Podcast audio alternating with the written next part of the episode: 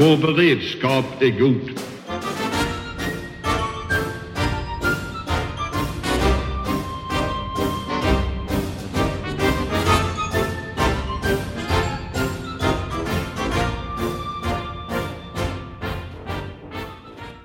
Hej och välkomna till Höjd beredskap, en podd från Aftonbladet Ledare.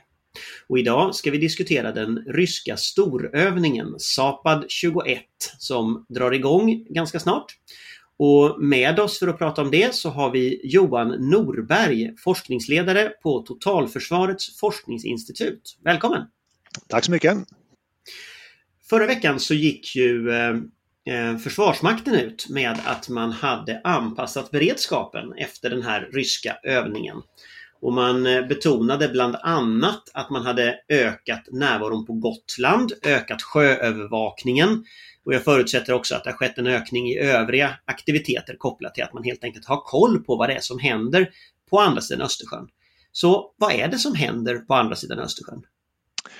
Ja, som du sa i början, det är en rysk storövning kan vi säga. Eh, och det är så att i september varje år så har de ryska väpnade styrkorna en stor slutövning kan man säga. Man har ett militärt utbildningsår som börjar i december och så går det till december året därpå. Och just så här i september så har allting kommit tillsammans där man liksom kör en stor eh, slutövning i den här utbildningscykeln.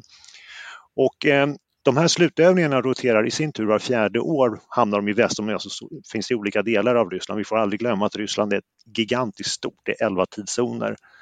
Eh, och man kan inte bara öva i väst utan man har ju också faktiskt eh, landgräns mot Kina och eh, Stilla havskust och så vidare. Så var fjärde år så är det, sen i, i öster, det är i Centralasien, det är Kaukasus och väst och så går den här cykeln om och om igen. Och det har den gjort nu sedan 2010 så att man är inne på tredje varvet.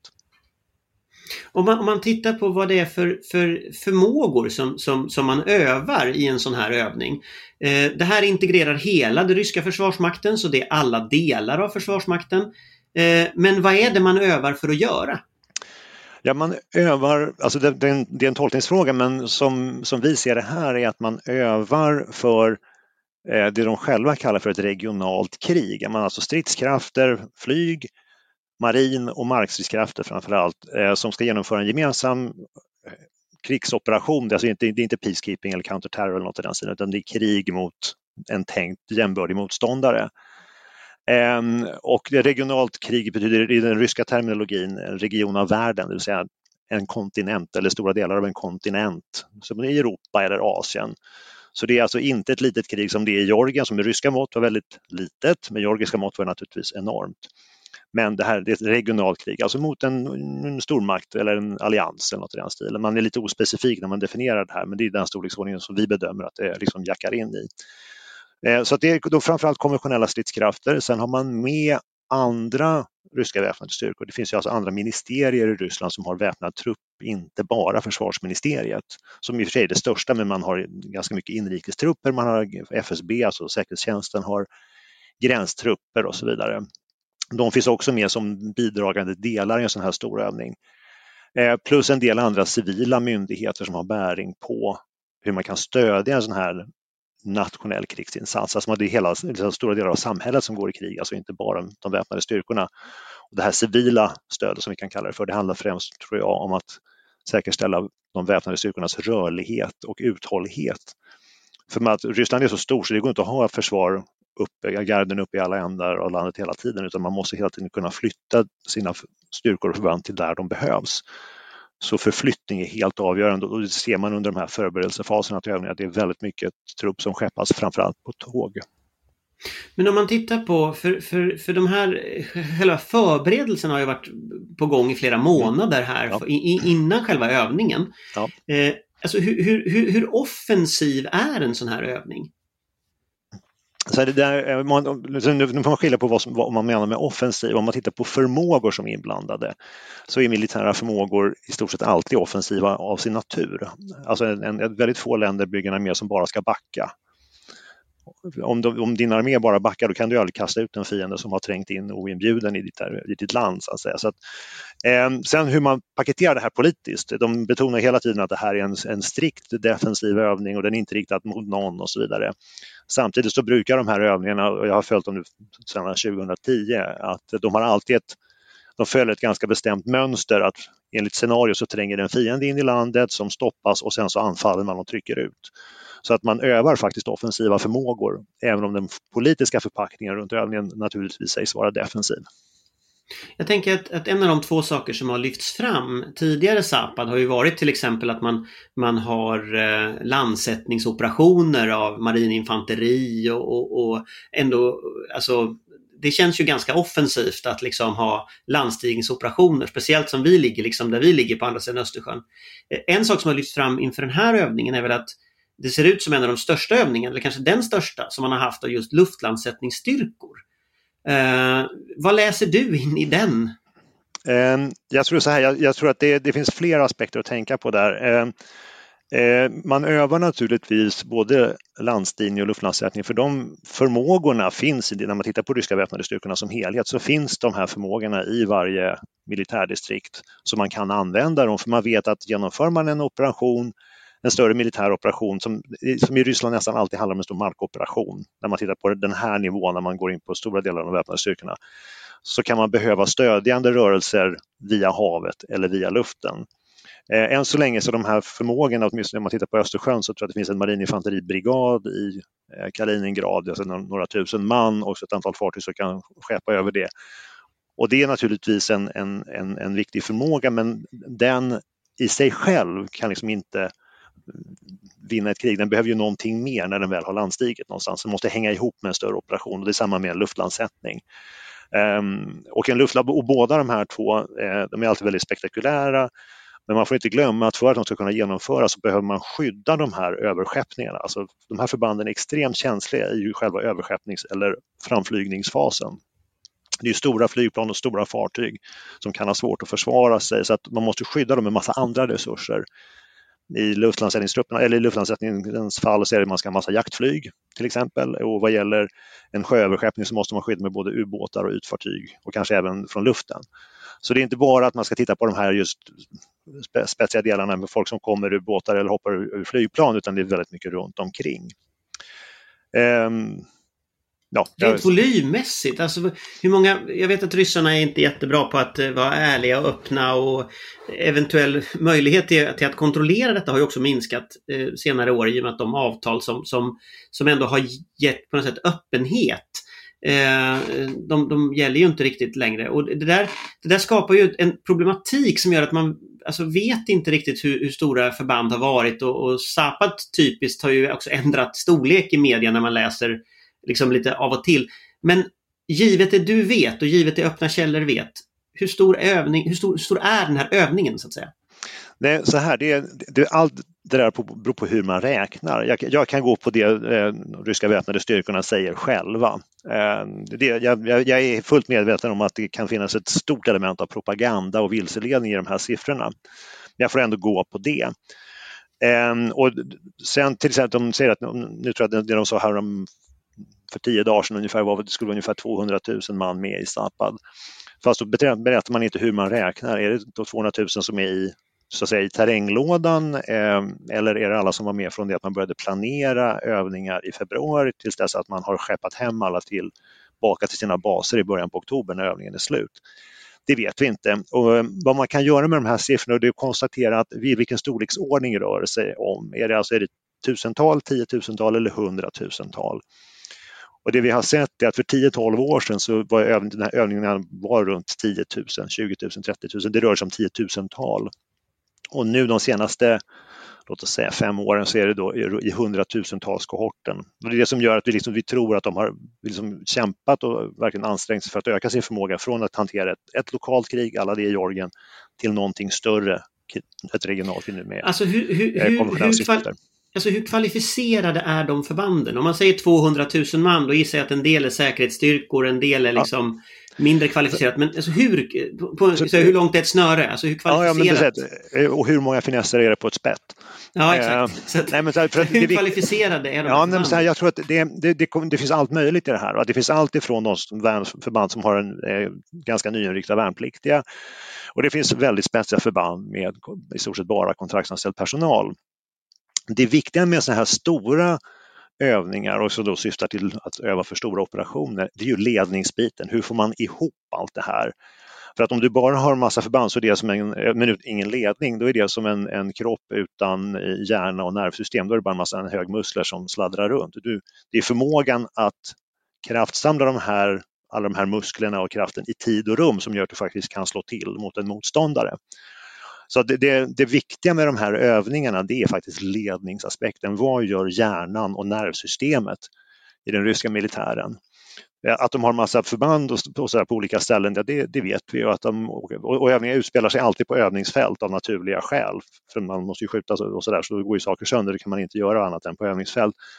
Så att man kan inte göra så här jättestora geografiska tolkningar av det här just på grund av att man är så bunden till övningsfält. Men däremot kan man se hur många olika övningsfält är man igång på, eh, hur, hur stora avstånd, vilka olika försvarsgrenar med. Då får man en liten känsla för hur mycket hjärnan och nervsystemet jobbar. I den militära Så, som, som du jämför med en motsvarande eller finns väl kanske motsvarande NATO-övningar på, på det sättet, men om man tar liksom, jämför med Baltops eller man mm. jämför med, med uh, Trident Juncture, eller man jämför mm. med någon större övning på mm. senare tid. Vad, vad, skulle du säga, vilken kvalitet har de här förbanden? Alltså det, det, det, kan man inte jämföra så tror jag, alltså, för då måste man jämföra förband för förband och då är det, det, det kan man roa sig med. Frågan är vad det säger. Ehm, det finns otroligt olika grundförutsättningar för NATO och Ryssland. NATO är en allians med eh, nästan 30 länder och som alla bidrar så gott de kan. Ryssland är ett land, ett ledningssystem där samma person sitter i toppen både på den civila och militära ledningskedjan, nämligen presidenten. Eh, det är lättare för Ryssland att, att samordna sig. Det är liksom ett land som är ganska centralstyrt dessutom till skillnad från NATO som en allians som en stor diskussion och ett, ett ständigt förhandlande mellan olika allierade. Eh, Ryssland är en kontinentalmakt, en landmakt, har stora markstridskrafter eh, och har sin, tror jag, då, komparativa fördel där. Natos komparativa styrka är nog marin och framförallt flygstridskrafter. Och det anar man lite också hur Ryssland har pratat om den här övningen, att man, det finns en stor luftkomponent i detta. Som, eh, och tittar man på den tänkta motståndaren i Europa så är det naturligtvis Nato och Nato har stora flygstridskrafter eh, som är förhållandevis moderna och, eh, och skarpa också. Däremot är Natos markstridskrafter ganska små i jämförelse.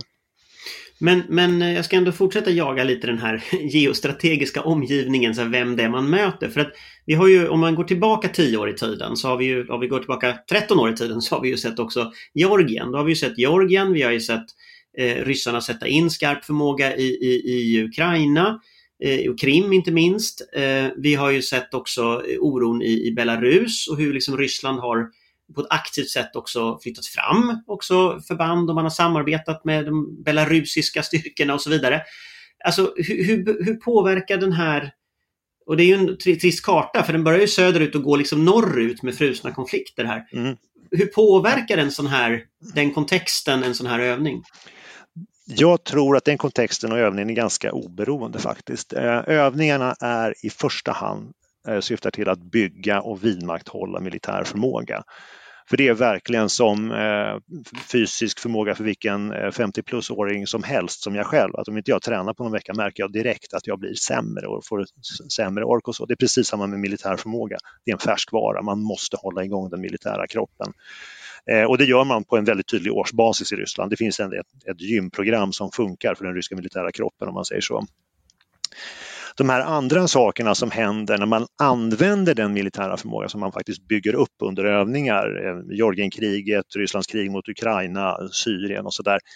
Det är för att man faktiskt har byggt upp någonting som man kan ta och använda.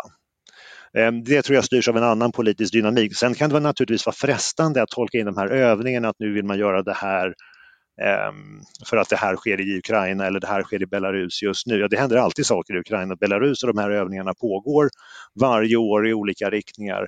Så jag tror man ska vara försiktig med att koppla ihop de här övningarna med dagspolitiken. Man kan naturligtvis välja att göra det och jag tycker jag ser rätt mycket kommentarer som ägnar sig åt det, att man tar fram övningen för det händer något, så kommenterar man den just utifrån dagsläget. Men jag kan inte riktigt säga, är det verkligen det här sambandet, är det verkligen så det hänger ihop? I och med att de här övningarna faktiskt pågår och har pågått 12 år. Man, man ser ju i Baltikum till exempel så finns det en ganska stor oro för detta. Ja, eh, just, men... just alltså att man ser väldigt mycket militär hårdvara som plötsligt ja, men... Eh, övas precis i en politisk situation. Ja, men, hur, hur ja, vi, tänker men, de alltså, fel? Nej, jag, nej det, det, kan inte jag uttala mig om, men det jag, man får, vad man får akta sig för är liksom att bli orolig bara medan det är den här aktiva fasen i Zapad-övningen. För att om man bara är orolig då, då går det över när den fasen är över. Det är ju så att Rysslands förmåga finns ju kvar efter övningen är slut och den finns 24 7 365. Eh, även fast man nog inte övar den. Och poängen är inte vad man kan göra på en övning och vad som händer då, utan man visar att ja, men så här lång tid tar det för oss att flytta fram så här mycket mot Polen eller mot Baltikum eller Belarus eller vad vi nu säger. Um, så det, det, är det som är poängen, att man har förmågan att flytta fram saker. Det kan man göra i maj, det kan man göra i februari, det kan man göra i september eller december, det spelar ingen roll. Vad gäller Belarus så är det ett väldigt viktigt land för, för Ryssland och man alltså har ett um, militärt samarbete och en formell allians men också en unionsstat som har funnits i decennier. Så att det, att det sker ett nära samarbete där är inget konstigt. Eh, men eh, och att, man liksom, att det finns rysk militär i Belarus, det är det de, de roterar in och ut och de övar tillsammans på olika, i olika konstellationer. Och det finns vissa fasta ryska militära installationer, dock ingen formell militärbas vad jag vet i alla fall. Men det har ju varit en diskussion eh, på senare år i alla fall om att Ryssland skulle lämna kvar eh, delar av mm. material och förband och, och att, att, Polen speciellt har ju Mm. Alltså där, där är ju oron stor för att liksom det, mm. det på något sätt blir en, en ändrad, vad ska man säga, en strategisk balans ja. helt enkelt. Ehm, det, det, är möjligt, jag, jag, kan inte de detaljerna, men jag tror att för att om det ska betyda någonting vad gäller förmågan att starta ett stort krig, då måste man lämna kvar väldigt mycket och det syns. Och dessutom, så förtvivlat stort är inte Vitryssland heller. Och det har rysk, rysk eh, järnväg, alltså, eller järnväg med rysk spårvidd som är lite annorlunda än övriga Europa, eh, hela vägen. Så om ryssarna vill köra sina militära tåg genom Vitryssland så kan de göra det ganska fort. Så att om man lägger på det rastret istället och säger att ja, men det är ganska gynnsamma förhållanden om Ryssland vill frakta in mycket militärtrupper i Vitryssland, då kan man göra det. Alltså man har man har tågen, man har kontakterna, man har övat det och så vidare. Sen om de lämnar kvar 2000 man, 4000 man eller om de åker hem efter två månader eller inte, ja, det kan man följa om man vill. Men det spelar inte så stor roll? Nej, jag, jag, tror inte det. Man ska inte, man ska inte, alltså tittar man bara på det då blir man ju lugn när de åker hem. För mig veterligen så har de inte stannat i några större mängder. Eh, men det, det, kan, det, kan, vara något jag har missat, men jag, jag får lite känsla att det, det är inte huvudpoängen så att säga. Och det finns ju dessutom att Belarus måste också visa någon form av självständighet och det har ju funnits ett motstånd från belarusisk sida att faktiskt upplåta baser till Ryssland annat än de här fasta installationerna som finns som är av mer teknisk karaktär. Du är ju medförfattare till den här eh, stora rapporten om rysk militär förmåga som, som FOI eh, återkommande eh, ger ut. Och, och, det är också någonting som i andra länder att man har tittat på Sverige och svensk mm. Rysslandsforskning när, när många andra länder efter kalla krigets fall, eh, eller kalla krigets, eh, murens fall, eh, avvecklade liksom den här typen av eh, förmå att förmåga att förstå Ryssland mm. så höll Sverige kvar den. Och det var ju ni som, som höll kvar den här. Eh, och det är ju väldigt intressant att se just den historiska utvecklingen för här har ju ni ett, en möjlighet att analysera. Mm. Så att, hur skulle du säga givet eh, det ni ser hur ser förändringen, och då menar jag inte liksom politiskt, utan mm. hårdvaran, förmågan. Mm. Hur ser förmågeförändringen ja. ut över tid? Eh, inför den här Zapad, så att säga, ja. eh, 21 då? Jo, men det, det, det, där kan man just genom att titta på de här årliga storövningarna eh, så kan man gå tillbaks till hur det såg ut 2010, 2011 när man då i Ryssland började genomföra en väldigt genomgripande militärreform. Och till skillnad från tidigare ryska militärreformer som alla handlade om att spara pengar på något sätt, så var det här en militärreform som syftade till att bygga förmåga och man var villig att satsa väldigt mycket pengar och politisk vilja på att genomföra det här. Och jag tror att man genomförde en av de största, kanske den största omorganisationsprocessen på planeten, jorden. För det är alltså en organisation på en miljon man som gick från en grundprincip, nämligen massmobilisering, till en helt annan princip, nämligen mer professionell bemanning och så vidare och en krympt organisation och tillgänglighet snarare än jättestor organisation. Ehm, och det här genomförde man rätt hårdhänt och det var inte populärt i den ryska militären i början. Men det som är tydligt syns i de här övningarna, om vi ska liksom ta fram det till idag, var att då, 2010-11, då fick man ihop 10-11 000, 20 000 man sådär. Det var i tiotusental. Även fast när man såg på namnet på övningarna och liksom, eh, vad ska man säga, omfattningen rent mentalt och tänkmässigt så var det på en, en liksom kontinental nivå. Men du hade inte den typen av manskap, så hjärnan jobb, jobbade för någonting större än vad den militära kroppen hade med i muskler. Om vi spolar fram bandet till idag så ser vi att nu är den hjärnan och musklerna mycket mer i synk. Det var fortfarande på krig över kontinenten men du har mycket mer muskler med i övningen eh, i termer av förband, mängd förband och vilken typ av förband som samverkar och så. Så att man, det är mer synk mellan hjärna, nervsystem och eh, muskler. Hårdvaran eh, som man ser, det är väldigt, vi ser väldigt gärna rapporter om nya ryska system. Eh, Putins supervapen och femte generationens flygplan och allt möjligt. Klassiska men, kvällstidningsrubriker. Ja, ja men tittar man då på vad som, när man tittar på väpnade styrkorna i stort i Ryssland, framförallt i markstridskrafterna, så är det väldigt mycket gammal sovjetisk materiel fortfarande. Eh, och eh, vi tenderar i väst att tycka att det är jätte, allting ska vara nytt och modernt. Då, och vi är lite ingenjörstänkande, liksom, då, är, då, då är det bra om det, det är det senaste.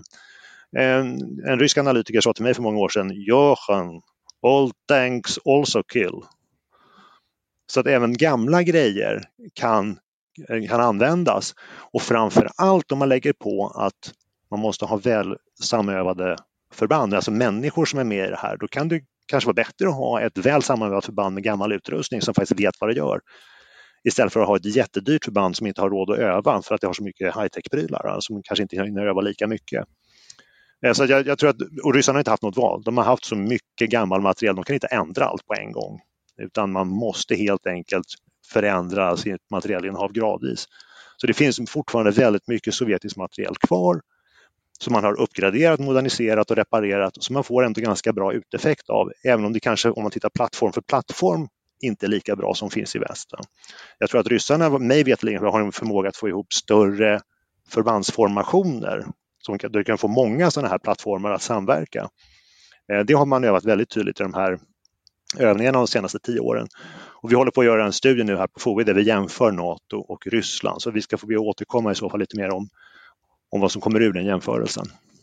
Men om du tittar på, på eh, för, för, en, en process som har hänt under de här åren, det är ju också att de här Zapad som har kommit har ju haft olika liksom, ja, propagandavärde om man säger så. Man har använt det här för liksom, politisk propaganda bortsett från hårdvaran.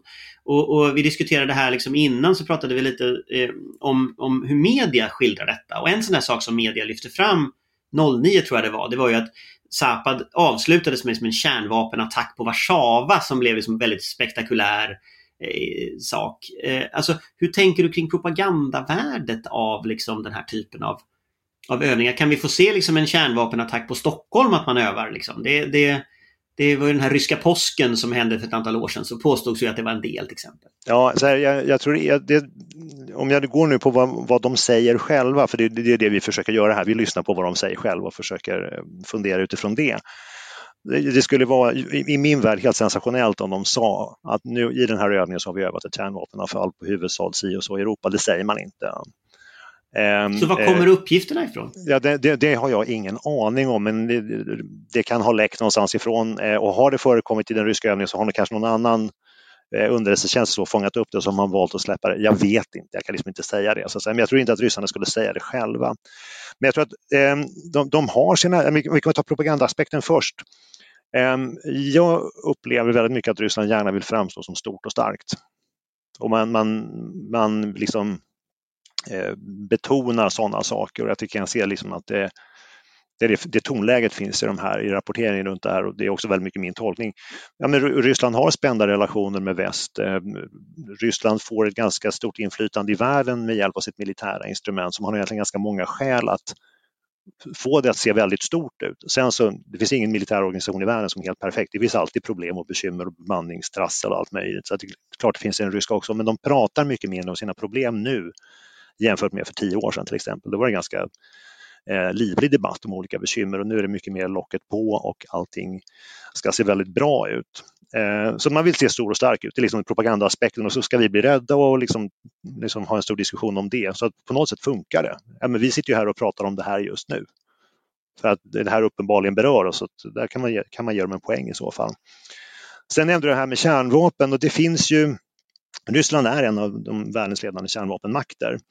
Och eh, de här förmågorna och förbanden finns också liksom året runt, dygnet runt, inte bara under Zapad-övningen.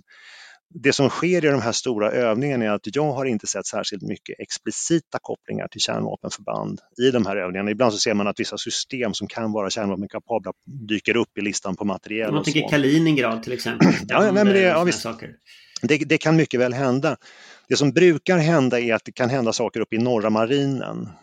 Alltså det som är uppe, uppe vid eh, Barents hav och vid Kolahalvön där stora delar av Rysslands andra slags förmåga med kärnvapen, alltså när man ska slå tillbaks efter att ha blivit utsatt för en första attack, finns på stora, atom, sån här, eh, stora atomubåtar.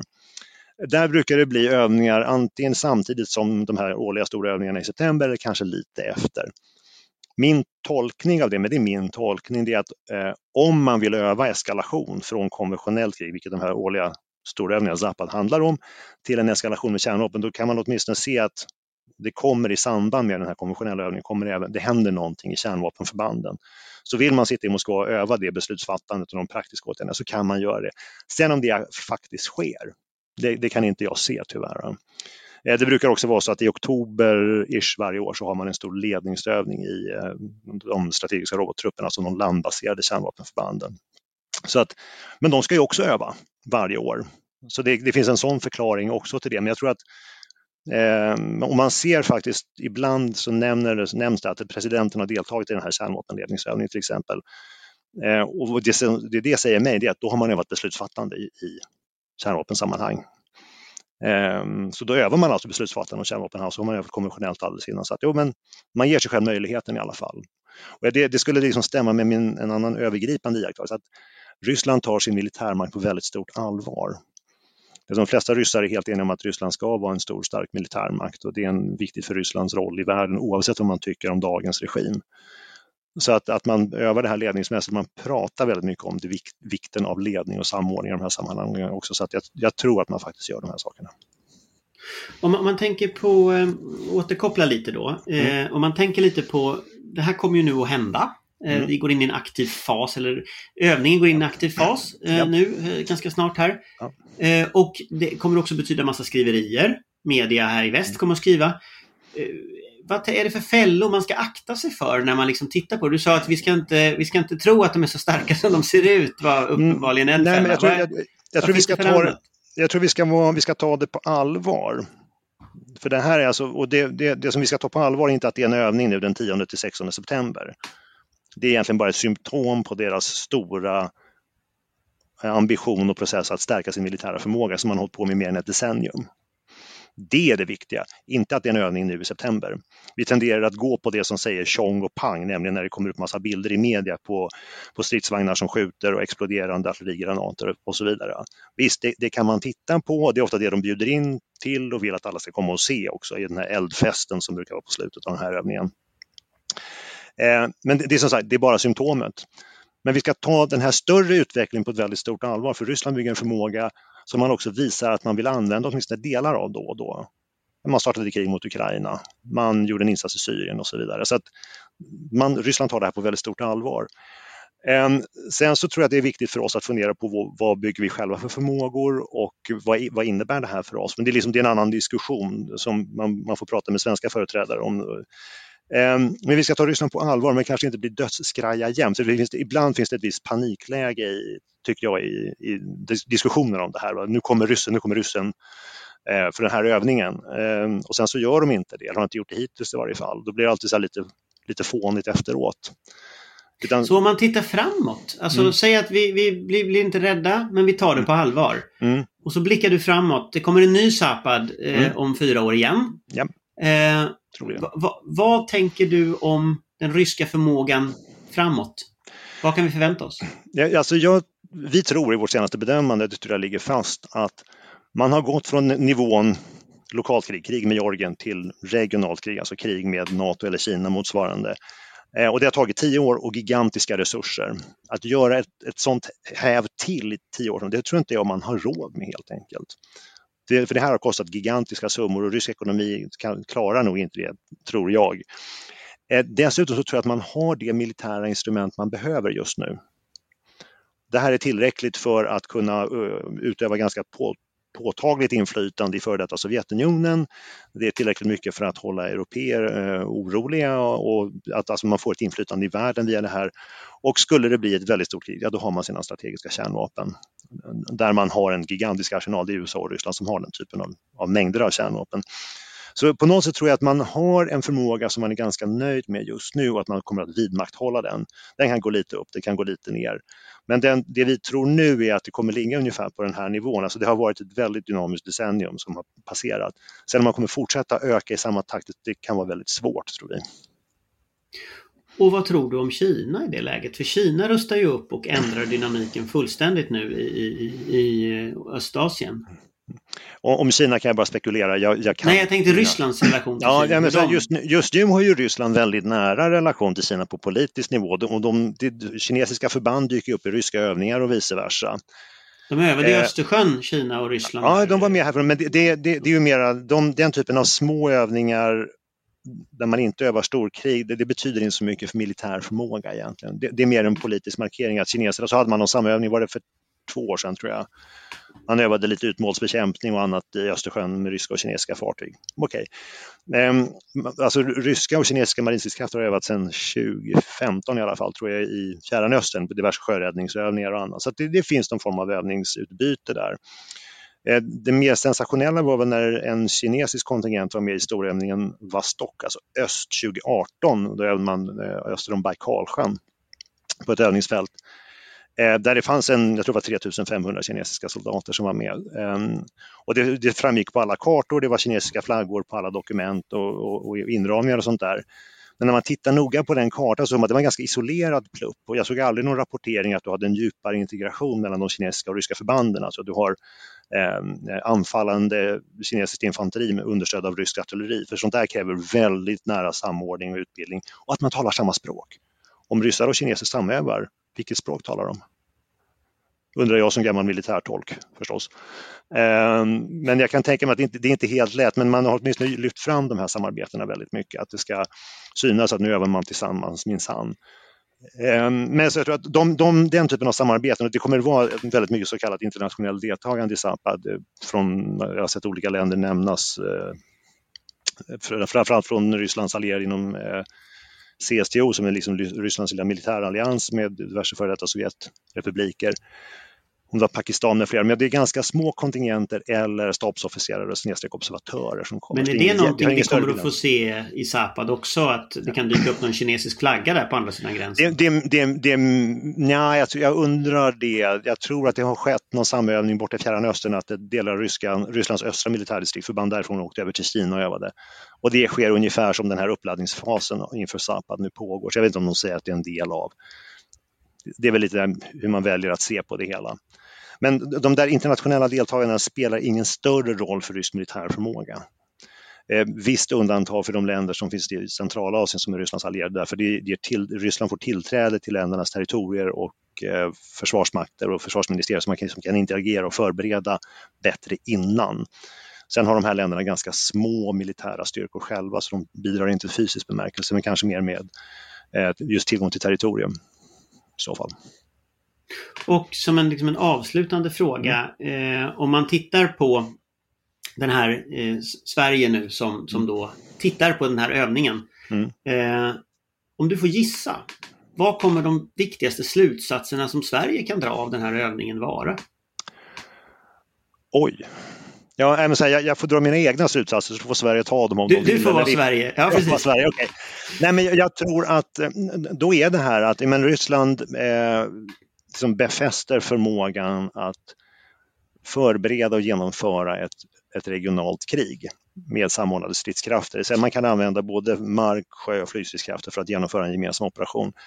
Och det, det, det, är väldigt lätt att säga det, men det är väldigt svårt att genomföra. Det kräver enormt mycket utbildning, förberedelse, övning, träning, misstag och sådär. Så, så och nu har man gjort det länge, man har gjort många misstag säkert under resans gång, så det här kan man. Eh, för svensk vidkommande, vi måste också räkna med att Ryssland kommer att fortsätta ha en väldigt stark militärmakt som man är beredd att använda. Alltså det här, när övningen är slut betyder det inte att den ryska militärmakten är borta. Den finns kvar. Alltså vi måste leva med, liksom, det är ett långtida faktum för oss under decennier framöver tror jag.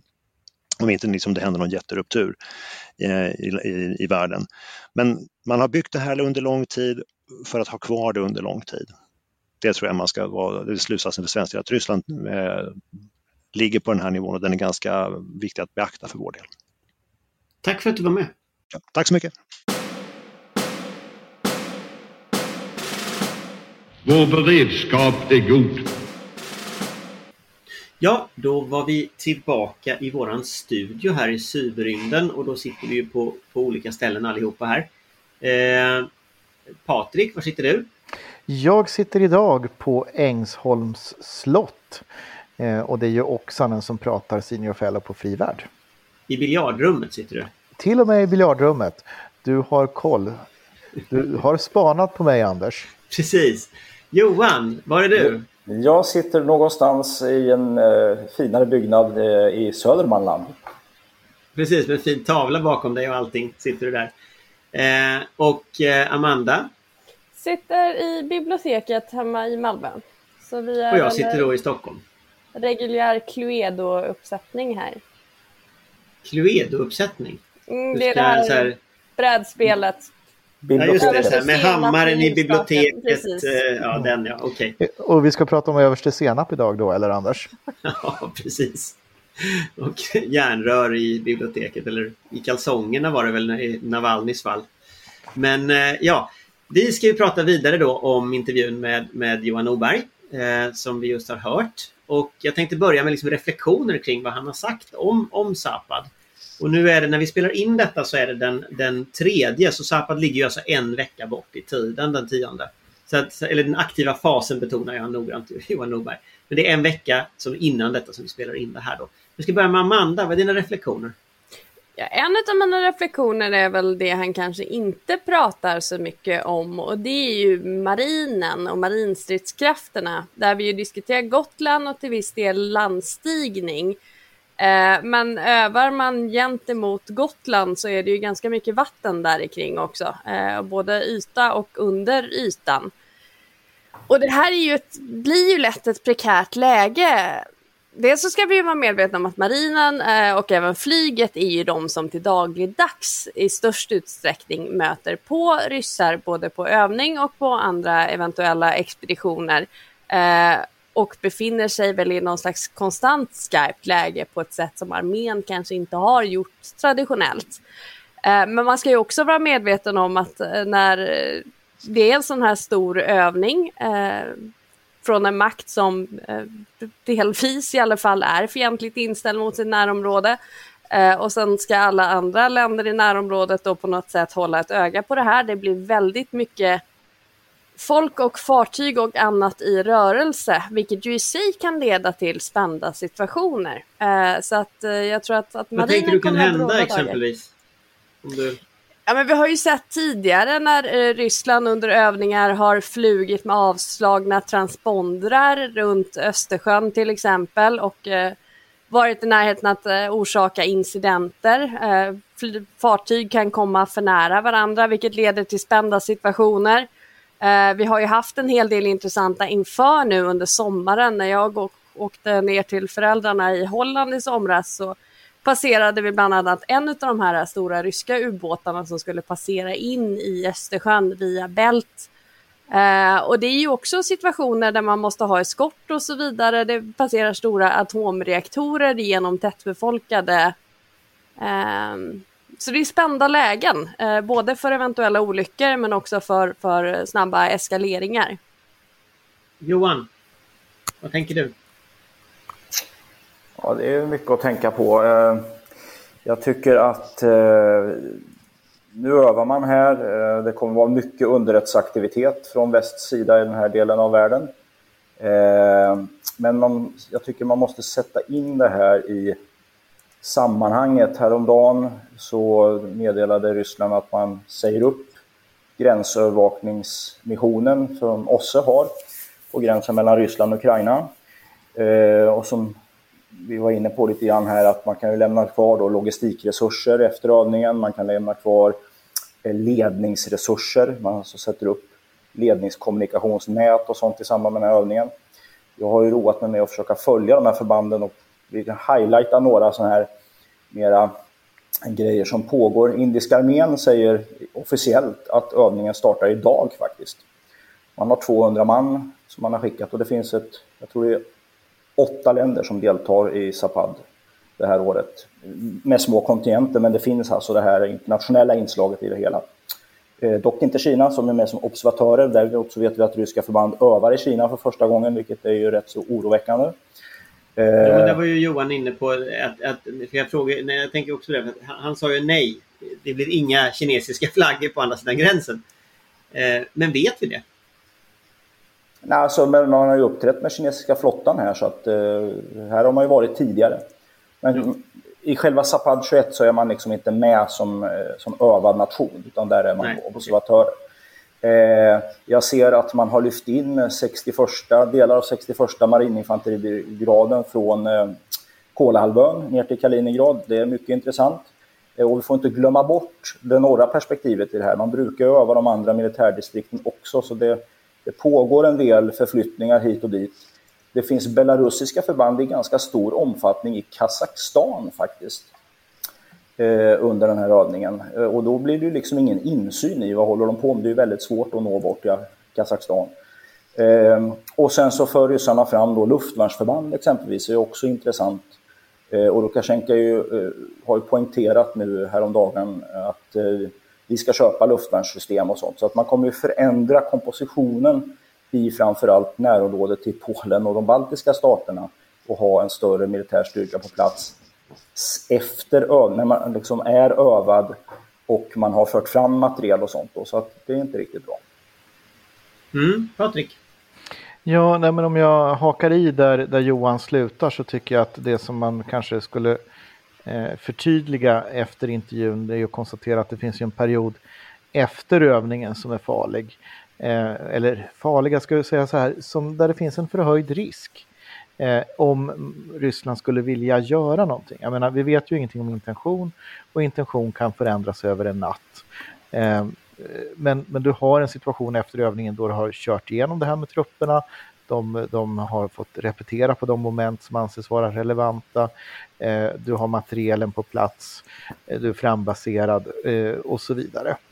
Eh, så det är ju en del i det, i det här. Och det andra så är det ju bara att titta på den geopolitiska bilden där, där vi just nu har ett aktivt hybridkrig som pågår mellan Ja, eh, egentligen är det ju Ryssland, fast här är, blir ju då Belarus som, som blir proxyn för Ryssland eh, mot EU och NATO-länder. Eh, och då tänker jag ju då på, på eh, det vi ser med, med flyktingar där, där Lukasjenko-regimen eh, trycker över flyktingar på gränsen, försöker få in dem i EU och där Polen, eh, Litauen och Lettland stoppar dem och vi har en situation i, i eh, Polen där det finns flyktingar just nu när vi pratar i, i ett ingenmansland. Och Polen också utlyst med hänvisning då till Zapad och, och den här situationen med, vid gränsen. Eh, undantagstillstånd tror jag att det är i två regioner. Eh, och tittar vi på den större bilden så har vi också övningarna som var i, i, i våras runt Ukraina och där vi tror att det finns materiel kvar längs gränsen. Eh, så att det finns liksom en möjlighet för Ryssland, om Ryssland skulle vilja det, att göra en massa saker i höst efter Zapad. Och då kan det ju vara Ukraina. Eh, det kan också vara som så att det kommer att hända någonting i förändring i Belarus. Det har aviserats att något slags avtal eh, vars innehåll ännu inte är känt väntar att dyka upp här om någon vecka eller två. Eh, så att vi kan ju komma att se, se saker hända. Och det här är då en, en, en militär så att säga, förutsättning för att låta saker hända. Det betyder inte att det kommer att hända. Men vi måste Nej, vara medvetna om det. Johan Witzer. Ja, det var, jag tänkte bara också att eh, det har ju förekommit en hel indikationer och bedömningar om att det kan bli ett avtal med integration mellan Belarus och Ryssland också eh, som kan tecknas på här under hösten. Man har till och med mm. nämnt september. Ja, det var det jag syftade på. Ja, fast, fast, jag, var lite, jag var lite flummig när jag uttryckte mig. Du, du var mycket tydligare i din beskrivning av vad det handlade om. Eh, sen, och sen så bara noterbart också är ju att man kommer testa nya förmågor också. Eh, man kommer bland annat testa Uran 9 som är då en eh, obemannat eh, kanon och robotvagn kan man säga som kan skjuta mot eh, pansrade mål och mot UAV. Eh, och just den där just den obemannade och UAV-vinkeln i det hela är ju rätt intressant för svensk del där. Vi har ju, om man tänk, betänker liksom den eh, tekniska nivån som vi befinner oss på eh, rent generellt så har vi ju ganska stort ointresse för UAV historiskt att säga. Eh, vi ligger nog lite efter där. Jag tänker på, alltså, nu försökte jag ju få honom att säga hur långt ett snöre var. Liksom. Hur, hur, hur, den kvalific alltså, hur kvalificerade är den här typen av förmågor? Och en sån sak jag har noterat när jag har läst informationen innan, det är just det du säger nu. Att, att man testar luftlandsättning på ett avancerat sätt. Man testar ett antal nya, ny hårdvara mm. eh, som är här. Eh, alltså vad betyder, nu vill inte han svara på det, men vad betyder liksom den är det här propaganda eller är det här en verklig förmågehöjning eller liksom vad är det här? Ja, men de har ju byggt det här systematiskt. De kommer ju då, vi ska inte häckla för mycket, men de kommer ju från en ganska låg nivå. Men, men den har de ju passerat så att säga. Så att det finns ju element i det här som är ganska avancerat. Får inte heller glömma bort att man i, i, uppe i Barents hav har genomfört ganska komplexa övningar där man skjuter då med hjälp av eh, målledningsflygplan som pekar på fartyg och skjutit då kryssningsrobotar på olika sätt. Så att man har ju tagit många kliv framåt. Eh, eh, jag skulle säga att man är... På marken är man ju väldigt stark skulle jag säga. Där har man ju kommit ganska långt. Man är ju fortfarande liksom efter eh, sjömässigt och, och, och luftmässigt egentligen. Om, man tittar på liksom den större kartan för vår del. Alltså hur, hur bör Sverige förhålla sig? Om vi börjar med Amanda lite. Hur bör vi, vilka slutsatser bör vi dra? Nu har den inte börjat än men vi, vi, vi ser ju liksom mängden 200 000 man. Det integrerar hela system från de väpnade styrkorna och sådär. Nya förmågor som övas. Eh, vad, vad, vad, vad vi drar för slutsatser? Ja, det är väl väldigt tudelat. Dels har ju naturligtvis eh, Johan Norberg rätt i att liksom det är rimligt för en nation att öva och så vidare. Eh, så vi ska inte dra för stora växlar på någonting som ändå är en återkommande stor övning. Samtidigt så ska vi inte heller underskatta vare sig förmåga eller kompetens. Därför att det här återgår ju till den liksom inledningen av den, den senaste vågen av diskussioner om försvarsberedskap när vi pratade om, om eh, Ryssland tittar österut, eh, Sverige är säkrare än någonsin och blahi blaha eh, för ett tiotal år sedan. Eh, att det är ju förmågan som tar tid att bygga och det gör de ju nu. Intention däremot kan ju ändras väldigt fort. Eh, så att även om vi inte ska se det här som ett akut hot mot Sverige idag så måste vi titta väldigt noga på vilken förmåga och kanske framförallt vilken numerär de har. Därför att om någonting händer, om den politiska intentionen vänder eller snarare intensifieras. Därför att det ska vi vara medvetna om att även om det inte finns något intresse av att invadera just idag så, så finns det ju en aggressivitet i Kreml naturligtvis. Eh, och det är ju den vi måste på något sätt kunna bemöta. Eh, det är ju det vi måste bygga för. Eh, så att på det sättet så ska vi ju verkligen ta det som en varning därför att nu visar Ryssland vad de kan eh, och vad de vill det vet vi inte riktigt, i alla fall inte på sikt. Så det är det vi får gå på, vad de kan. Jag tänker Johan har ju skrivit en del innan om, eh, om det här med korridoren Kaliningrad och, och liksom hela den så att säga, ganska skrämmande bild av vilka strategiska eh, risker som nu finns i en framtid. Eh, när du tittar på den här övningen i, med det i bakhuvudet, vad ser du då? Mm. Jag vill säga bara till lyssnarna att korridoren till Kaliningrad skrevs 2013. Eh, och rörde då att man ville upprätta en korridor från rysk sida till Kaliningrad och sen så är det lite olika saker som händer där på svensk och internationell nivå. Så. Alltså, om man det blir krig, på, kan man säga. Ja, det blir tvångsmakt blir det kan man säga. Det blir ju aldrig riktigt krig i boken, men, men ja, man använder det militära instrumentet som påtryckningsinstrument för att få sin vilja igenom. Men eh, eskalationen? Eh, ja, nej, men precis. Alltså... Men, men det vi vill komma till var, och det var därför jag viftade, det är ju att det blir ju tyvärr så här nu att det här sker i ett storstrategisk turbulens. Därför USA har precis klivit ut ur Afghanistan och det har spritt sig en väldigt stor osäkerhet. Vad vill de? varför gjorde de så här på det här sättet? Det finns en stark kritik i Europa mot sättet att genomföra den här urdragningen på. Sen finns det ju en, en eh, amerikansk eh, diskurs om, om att USA, eller fel, att Europa inte tar sitt riktigt ansvar och sånt. Men nu befinner vi oss, vi har precis kommit ut ur det här och man famlar lite. Vad vill de? Är det bara Kina nu som gäller? Eller, och då innebär det att det finns ju liksom ett, ett fönster här, ett litet, litet vakuum kan man Alltså risken är ju att man gör en felkalkyl i Kreml och säger att nu är de tillbakatryckta, nu är de dåligt, nu är de osams, nu kan vi pressa på lite mer här, Ukraina eller mot de baltiska staterna eller uppe på Nordkalotten. Det vet vi ju ingenting om, men, men liksom rent psykologiskt så har ju faktiskt väst fått en ordentlig liksom snyting med, med, i och med uttaget ur eh, Afghanistan och det öppnar liksom, det, det sätter en psykologisk stämning hos de auktoritära eh, stater som finns och de extremistiska rörelser som finns att nu måste vi liksom flytta fram positionerna. Och USA ligger liksom skyddat bakom två stycken oceaner.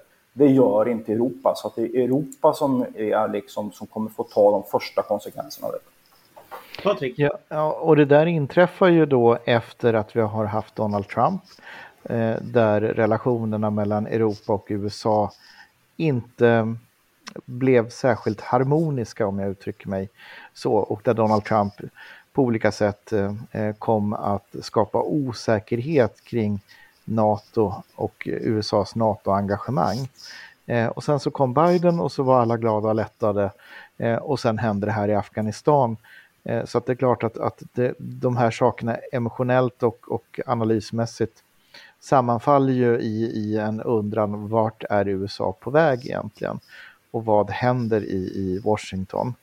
Eh, och eh, det kommer ju också i en situation när, när, när Europa har ju haft fullt upp med en eh, coronapandemi.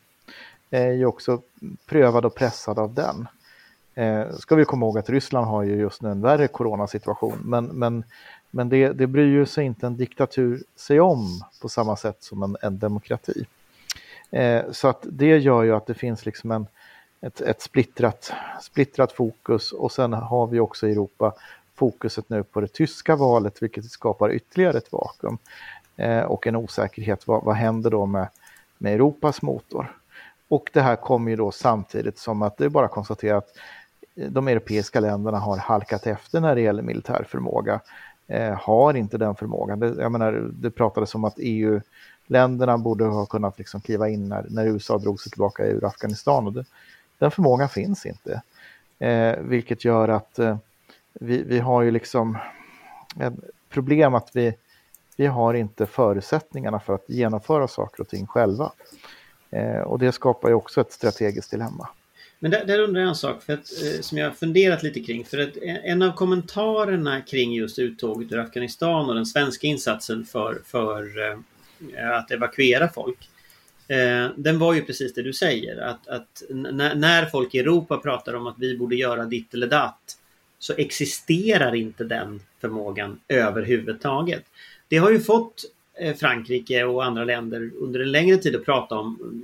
Frankrike pratar om strategisk autonomi eh, från, från, från USA. Eh, man har diskuterat ett europeiskt försvar på olika sätt, större samordning av resurser.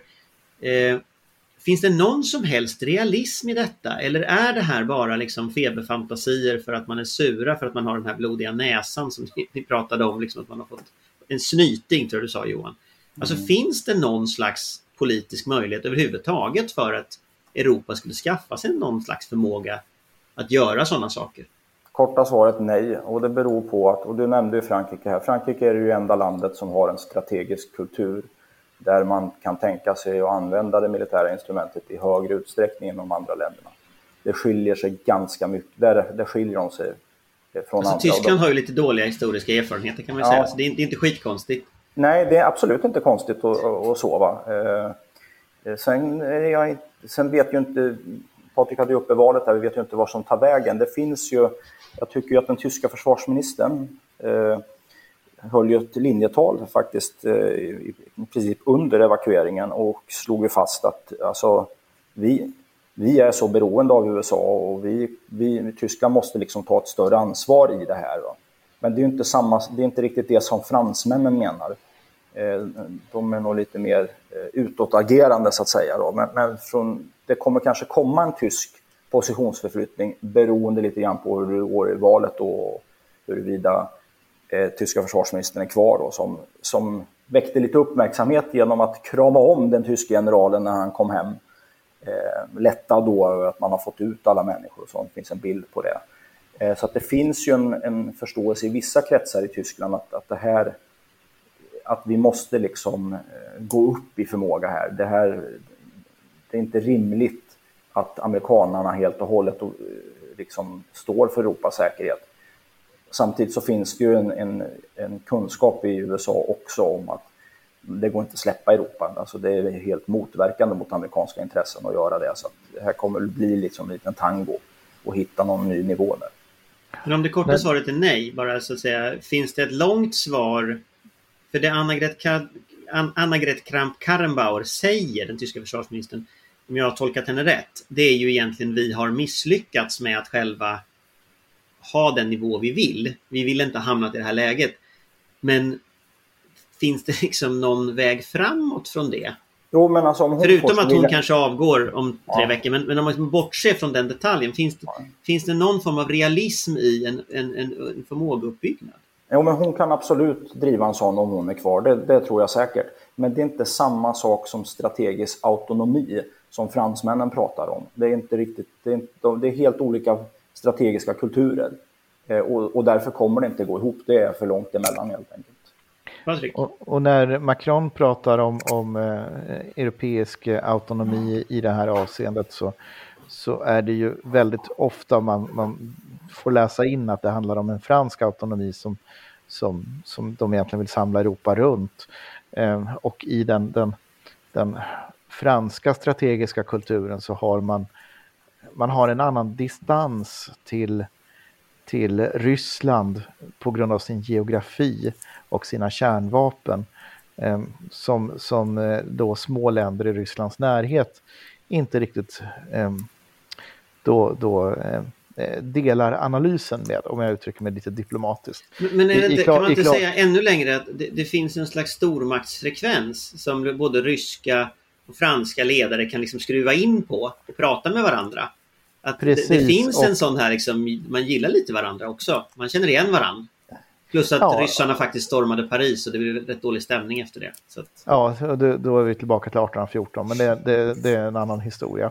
Men, men, men det är ju lite grann det du säger och, och de små länderna som då blir oroliga för eh, att, att Frankrike kan, man är rädd för att Frankrike kan få för sig att ja, men vi ger Ryssland vad Ryssland vill ha så att vi får, vi får en, en, en lugn, lugn relation till Ryssland. Eh, och då är det ju på bekostnad av de som ligger nära. Och det här är ju en rädsla som, som finns till exempel i de baltiska staterna.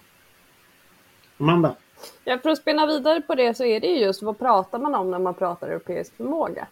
Pratar man då om de stora ländernas enskilda förmåga? Pratar man om samtliga olika EU-länders förmåga eller pratar man om en enad förmåga som går att använda gemensamt vid en kris? Och hur styrs den? Därför att vi eh, EU är ju inte direkt ett under av enighet eh, just nu och vi har ju sett tidigare när det har pratats om eh, olika humanitära och militära interventioner historiskt att man har väldigt svårt att enas. Man har till och med svårt att enas när det gäller Eh, assistans vid civila insatser till exempel eh, i medlemsländer och så vidare. Eh, så att visst, visst är det bra om Frankrike och Tyskland eh, rustar upp och, och är en slags, fungerar som någon slags stöd i de här situationerna. Men, men en europeisk förmåga, det är nog något av en utopi att tala om det. Eh, därför att det finns egentligen ingen enighet om hur en sådan ska användas. Och finns det ingen enighet om en sådan ska användas och detta kommer i så fall behöva dras i långbänk och röstas om när situationen redan är här, då är den ju värdelös som avskräckningsmetod. Um, och sen som sagt att, att de här länderna har väldigt olika intressen. Tyskland har väl kanske möjligen ett intresse av att ta, ta visst intresse. Frankrike står ju oftast Frankrike närmast i de här frågorna, så som Patrik precis pratade om. USA har ju en unik roll, inte bara i sin totalt överväldigande liksom, militärmakt, utan just i att de har valt att ta ett globalt ansvar för den globala säkerhetsordningen. Och det är ju det som är så svårt att ersätta. Ehm, det är svårt att ersätta militära också, men det går ju. Eh, det går ju faktiskt att köpa in en, en större förmåga, men eh, viljan är desto svårare. Men om, om det är önsketänkande med en, en europeisk eh, på något sätt samordning här, då är vi ju kvar till oss själva igen, som vanligt. Va, vilka operativa slutsatser bör vi dra? Jag menar, nu är försvarsbeslutet på plats. Det finns en ganska en uppbyggnadsfas som man befinner sig i. Utifrån det vi ser nu i uppbyggnaden av Zapad, vad bör vi dra för konkreta slutsatser? Bör det här bli en valfråga nästa år? Nu vill jag ju bara sticka in eh, och påpeka att eh, bara för att det inte kan finnas en europeisk nivå på, eller en europeisk eh, en europeisk försvarssamarbete så har vi ju ändå ett annat försvarssamarbete som faktiskt har visat sig vara lite effektivare i sin beslutsgång, även om jag vet att Anders inte är fullt lika förtjust i. Men NATO finns ju fortfarande som någon form av strategisk resurs. Och där har man ju ändå ett inarbetat både besluts och, och liksom samarbetsfunktion på alla nivåer. Eh, så vi kanske inte ska glömma dem, även om vissa i gruppen kanske helst hade gjort det. Men som svar på frågan, vad bör vi göra? För att vi kommer ju antagligen inte gå med i NATO i närtid. Så den, det kommer ju inte vara en lösning på nuet. Nej men det är klart det måste bli, eller det, det, är klart det borde bli en valfråga. Men, men det har det ju bort bli de senaste två, tre valen och, och hittills har det ju inte hänt. Eh, men sen, där kan vi också konstatera att, att politiker gärna ursäktar sig med att det inte är en fråga väljarna prioriterar. Samtidigt så prioriterar ju väljarna det politiker eh, själva prioriterar och anser är viktigt och lyfter i diskussionerna. Så att här har faktiskt våra folkvalda ett stort ansvar att visa att de tar frågan och rikets säkerhet på allvar.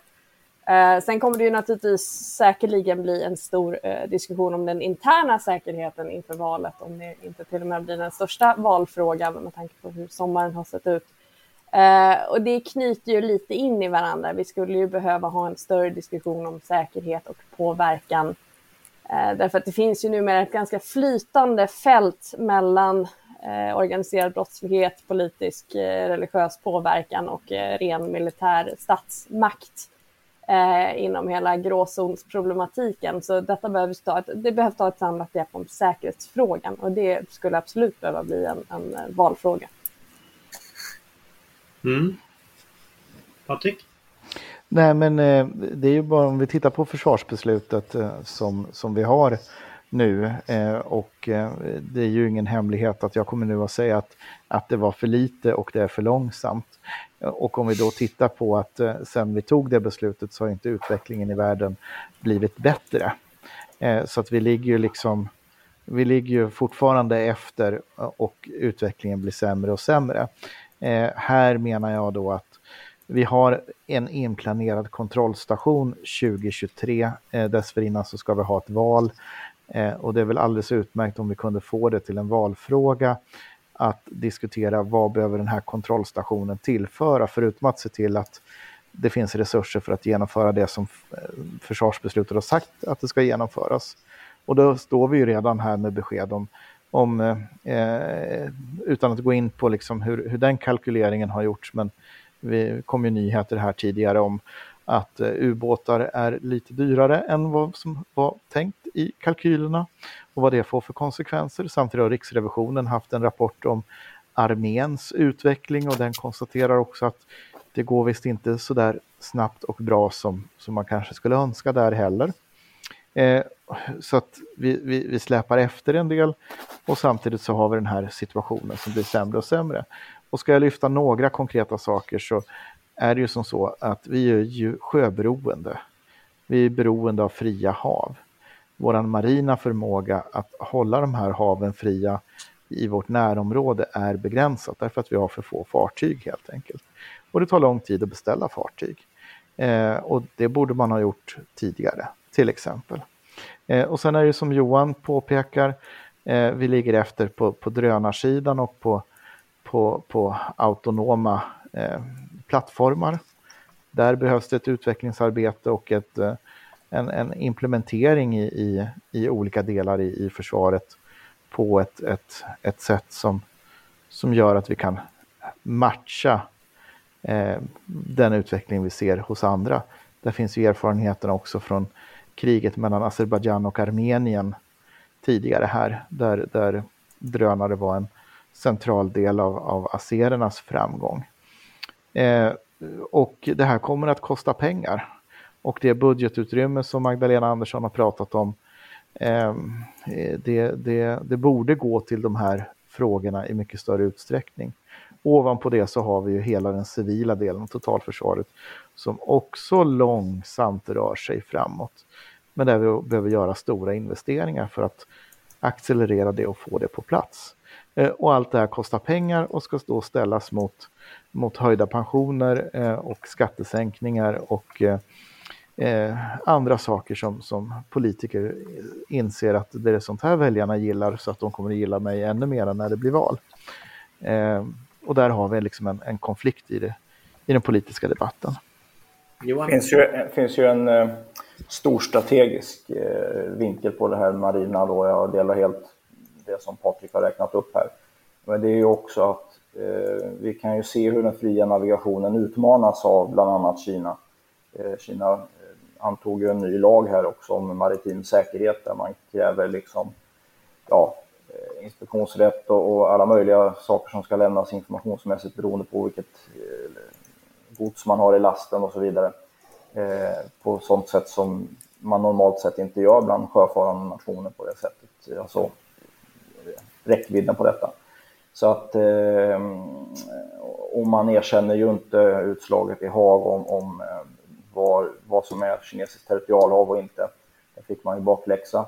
Eh, så det kommer bli ökade spänningar där borta. Eh, Iran har flyttat fram positionerna, det kan bli ökade spänningar i den regionen också och då kommer de europeiska länderna bli tvungna att, att eh, öka sin satsning på att hålla de här eh, farlederna fria för, för handel helt enkelt.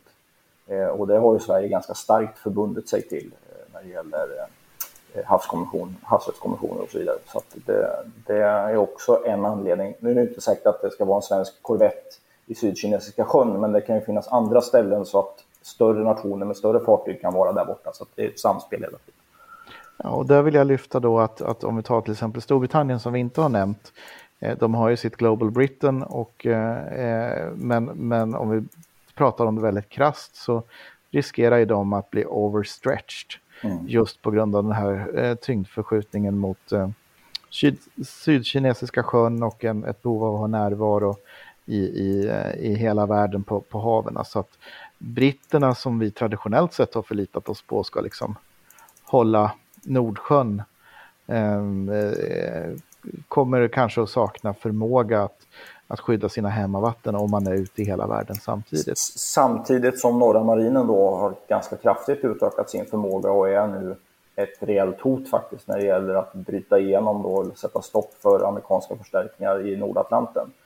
Eh, och försvarsberedningen eh, i en av sina rapporter pratar ju om att Sverige skulle kunna uthärda tre månaders avspärrning eller delvis avspärrning, alltså där frakt, sjöfrakt i Sverige blir lidande och så. Och det är ju i Västerhavet och alla är överens om att så som marinen är utformad nu så kan den inte bedriva operationer parallellt i både Östersjön och i Västerhavet. Och det är liksom ett ett starkt skäl till varför man måste ta ett särskilt omtag kring marinen och tillföra mer resurser, precis som Patrik säger. Men, en, sista men funderar, bara, ja. en sista grej bara. Men sen, allt det här hänger på att man måste att man måste ha en enormt stark uppföljning från politiken på personalförsörjningen. För att det är människor som är den största tillgången i vårt försvar och det måste finnas en officerskår och eh, olika slags eh, gruppbefäl, soldater och sjömän som kan liksom ingå i de här förbanden. För det spelar ingen roll vilket system du köper om du inte har utbildad personal med planer som är övade. Alltså jag, tänker, jag tänker lite att vi, vi, vi kommer snart återkomma med, med, fler poddar om nya ämnen och sådär. Eh, Men jag tänker att en av slutsatserna jag drar när jag lyssnar på, på Johan och när jag lyssnar på den, alltså Johan Norberg och lyssnar på den diskussionen vi har nu. Så är det att det, det, den här storstrategin som vi har pratat om tidigare. Den kanske är felbalanserad för tillfället för svensk del.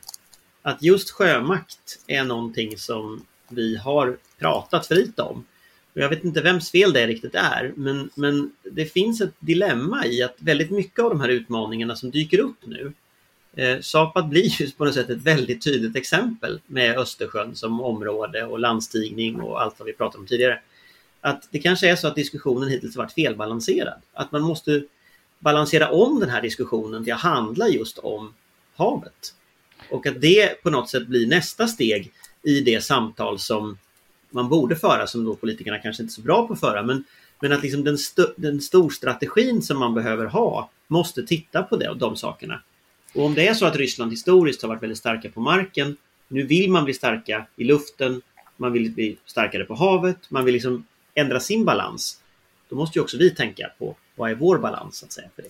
Ska jag ge Patrik sista ordet och sen så får vi nog avrunda. Ja, men jag tror att det problemet är, Anders, som du frågar kring, det är då att vi psykologiskt, vi fattar inte att vi är öbor. Eh, svensken förstår inte längre att, att man bor på en ö omgärdat av havet. Vi har tappat den förståelsen. Eh, vi delar den där ön i en strategisk hänseende med, med Danmark, eller jag säger inte med Danmark, men då, jo, Norge. genom bron, men jag menar Norge och Finland. eh, och, men vi är omgärdade av hav, vi behöver havet och eh, vi har liksom tappat den insikten. Vi är öbor, säger Johan viftar frenetiskt. Ja, men jag vill bara också då föra in, eh, om vi nu pratar stor strategi, så är det så att det kinesiska fartygstonnagebygget går i en enorm fart och någonstans om något decennium kanske man är förbi amerikanerna. Amerikanerna kommer alltså att satsa på skeppsbyggnad. Man kommer att lokalisera ännu mer resurser havsmässigt, eh, sjömässigt i Stilla havet. Vilket då innebär att det som vi har räknat med, det är inte här i samma omfattning. Och det är också en anledning till varför vi måste ta höjd för en ökad marinförmåga. Med de orden så får vi väl se att det var kanske våran slutsats efter Zapad, eller innan Zapad. Men eh, den börjar då den 10 september. Och ni räknar med att tidningarna kommer att fyllas av eh, det som Johan Norberg kallade eldfesten. Alltså det blir mycket pang-pang. Och då ska man ju inte gå på det som är den ryska eh, propagandaidén här. Att vi ska bli rädda och, och liksom, de ska framställas som större än vad de är. Jag tyckte han sammanfattade det ganska bra, att man ska ta det på allvar. Men man ska liksom inte bli alarmistisk när man ser de här sakerna. Så med det så tack för oss och så ses vi om ett par veckor igen. Hej hej! Hej. Tack och hej! Vår beredskap är god.